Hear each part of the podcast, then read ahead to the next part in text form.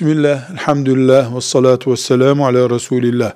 Evvabin namazı, akşam namazı ile yatsı namazı arasında kılınan altı rekat nafile namazın adıdır. Farz değildir, vacip değildir.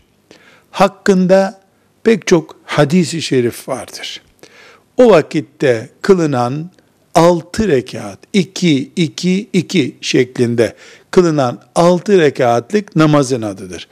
Bazı hadis e, ilminde, hadis literatüründe muteber bilgilere göre sabah kuşluk vaktinde yani güneş doğduktan sonra kerahat vakti çıktıktan sonra kılınan namazın adına da evvabin namazı denmiştir.